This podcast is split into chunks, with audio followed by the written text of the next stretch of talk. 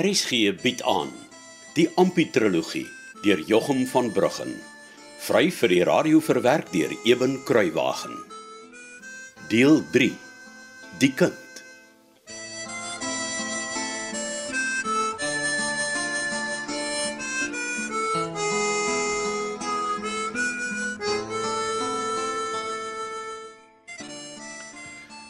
Nou moet ek klaarmaak hier. Anders kry ek vermaanings en nimmer eindigende predikasies van die ou mense as hulle my hier sou betrap terwyl ek besig is.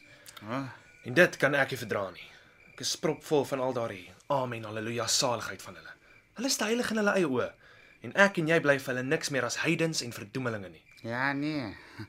En die ou kerel knip ek maar lekker die kat in die donker as hy 'n kansie kry, maar ek sê net niks. Wat? Eintlik is ek baie dankbaar vir hulle dienste by die tabernakel. Want dan kan hulle uit my pad uitbly en ek kry kans om my besigheidjies agter mekaar te sit. Jy het nou self gesien. Die meeste werk gaan in die meng van die medisyne. En dan moet jy op 'n stil plek en alleenig wees. Ja. Ampie, bære die bottel in jou baadjie se binnesakke en bly wag vir my hier in die donker. Hæ? Mens weet nooit wie ons dalk hier buite die kamervenster afgeluister nie. Nou waar toe gaan jy? Ek gaan kyk wie's by die deur. Wie's daar? Fritz, maak oop die deur. Toe maar Ampie, jy kan maar uitkom, dis net Esther. Esther is al terug. Ek het nooit by die tabernakel uitgekom nie. Wat gaan Annetjie vir my sê? Hoe moes sy nie die hele tyd in die diens gevoel het nie?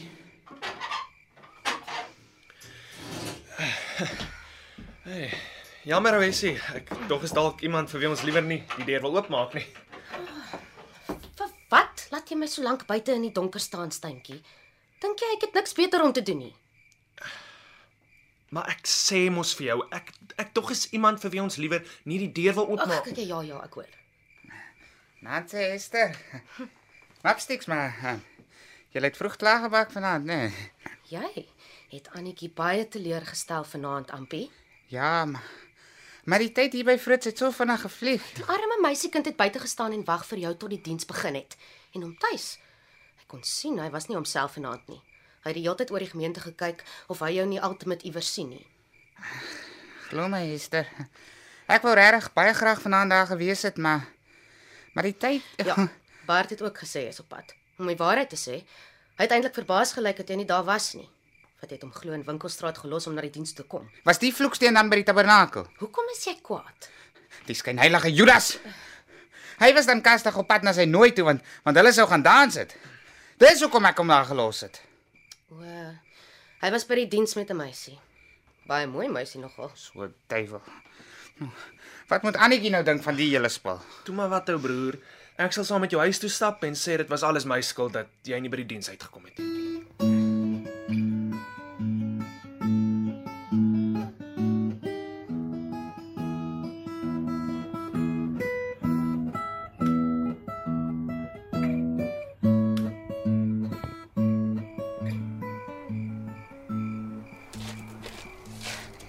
Ah, dankie dat jy saam gestap het ou steentjie. Nee, sal's reg so. Ek dink net jy moet miskien maar daai bottel vir my gee om so lank te hou. Ah, hoekom? Uh, want my gevoel is net dis beter dat jou vrou dit nie vanaand by jou sien nie. Sy sal nooit glo dat jy op pad na die tabernakel toe was met 'n bottel in jou baadjie se binnesak nie. Nee, daar plan beet Fritsie. Annetjie sal nooit glo ek wou regtig by die diens wees is. Ek met die borrel by haar aankom. nie. Kan ek jou help? Nee man. Hy's aanbereid. Hey. Gee hom nou maar vir my. Nou Ja, terwyl die ouetjie nou uit my sak is, is dingetjie. Hoekom proons jy bietjie aan hom nie, hè? Uh want ek dink Annetjie gaan al klaar kan ryk dat jy iets gebruik het vanaand. 'n Hele paar keer al. So. Dan sal nog net enetjie meer mos die saak maak, hè? Kyk ou broer, jy is al klaar diep in die moeilikheid. Hm. As ek nou hier buite jou skuilings aan die proe raak, dan is ek ook in die moeilikheid, verstaan? Ek sal jou bottel mooi vir jou wegsit tot jy hom kom haal. Ja, maar maar by wie sal jy in die moeilikheid wees, ou Fritsie? Jy's mos nie Annetjie se man nie. Nee, maar Hester verwag my gou weer terug by die huis. En ek moet my besigheidjies gaan wegpak in die vloer voor die ou mense daar aankom. Is nie regtig lus vanaand vir 'n kwaai vrou en 'n predikasie nie.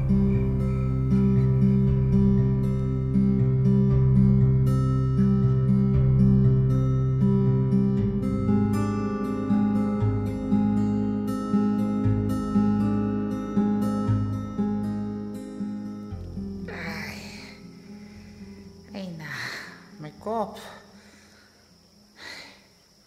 Nou, Wat het ek tog gisterand aangevang?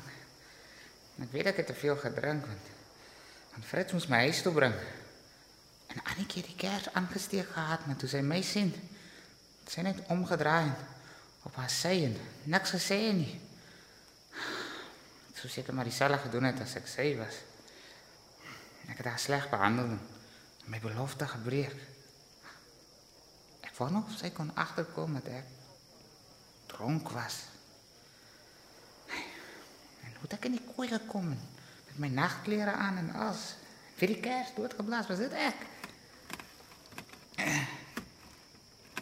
Ek lê nog nes gisterand met haar rug na my toe. Maar die hele ding is Bart se skuld. Hy wat kastig nie na die diens toe wou gaan nie. En toe sê hy vir my ekstra sag vir sy maters en en alles soort plesier. Ek wou net Annetjie raas en kry klaar. Sy moet nou nie die ding uittrek in 'n lang stil predikasie nie. Dit is amper nog erger as partytjies wat jou ore laat tyd. Ek sal maar vir haar koffie in die bed gee. en Kyk wat sy maak.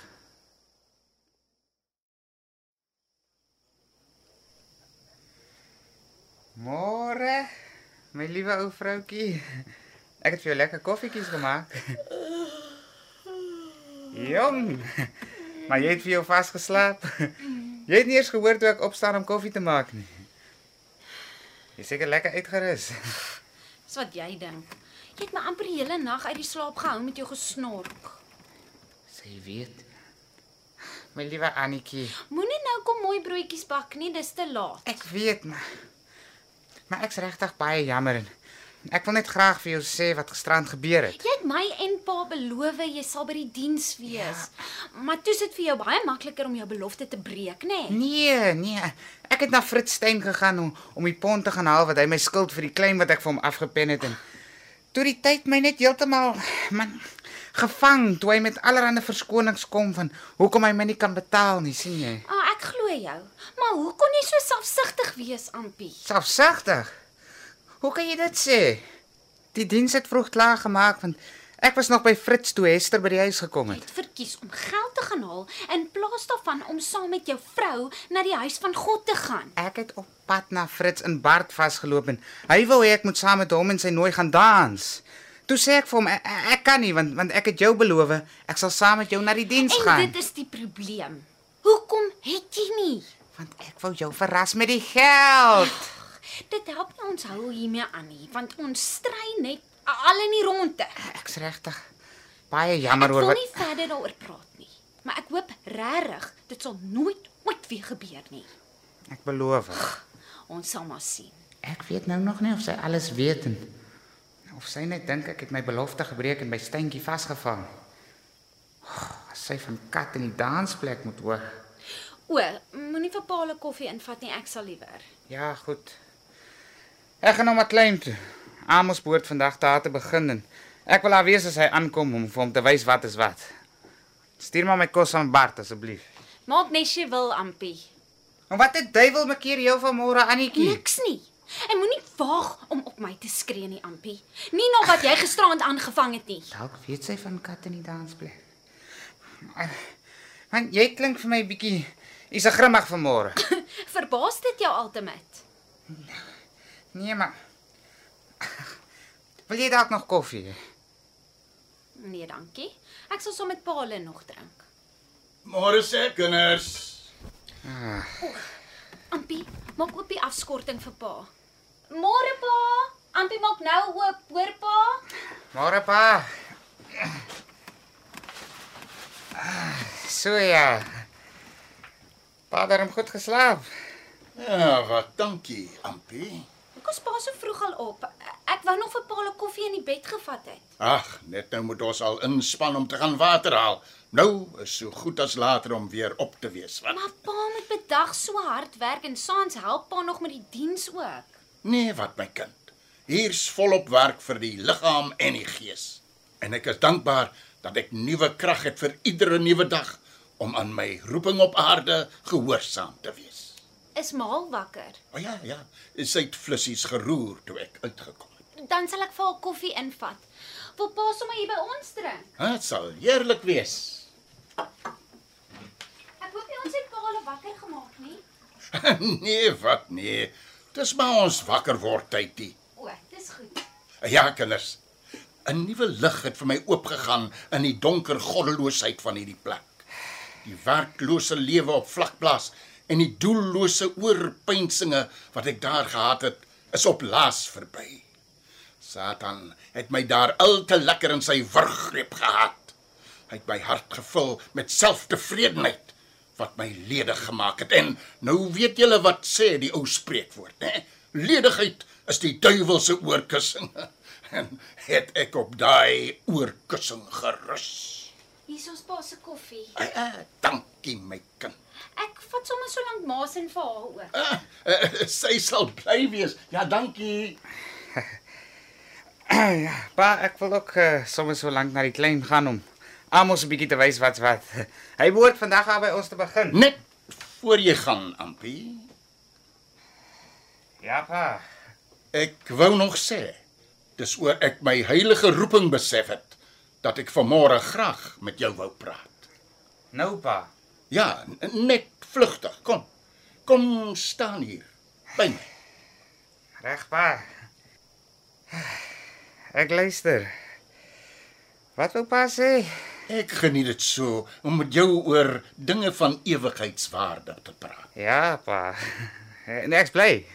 En dis hoekom dit vir my gisteraand so 'n droefheid en 'n hindernis was toe ek jou nie onder die gemeentelede kon bespeur nie.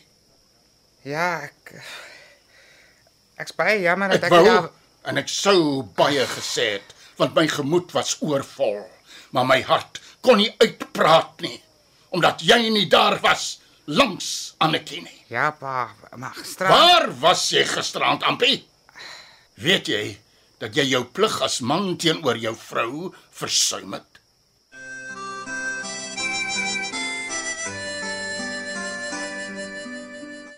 Dit was Ompie die kind deur Jochum van Bruggen. Cassie Louws beheerdig die tegniese versorging. Die verhaal word vir RSG verwerk deur Eben Kruiwagen en in Kaapstad opgevoer onder regie van Joni Combrink.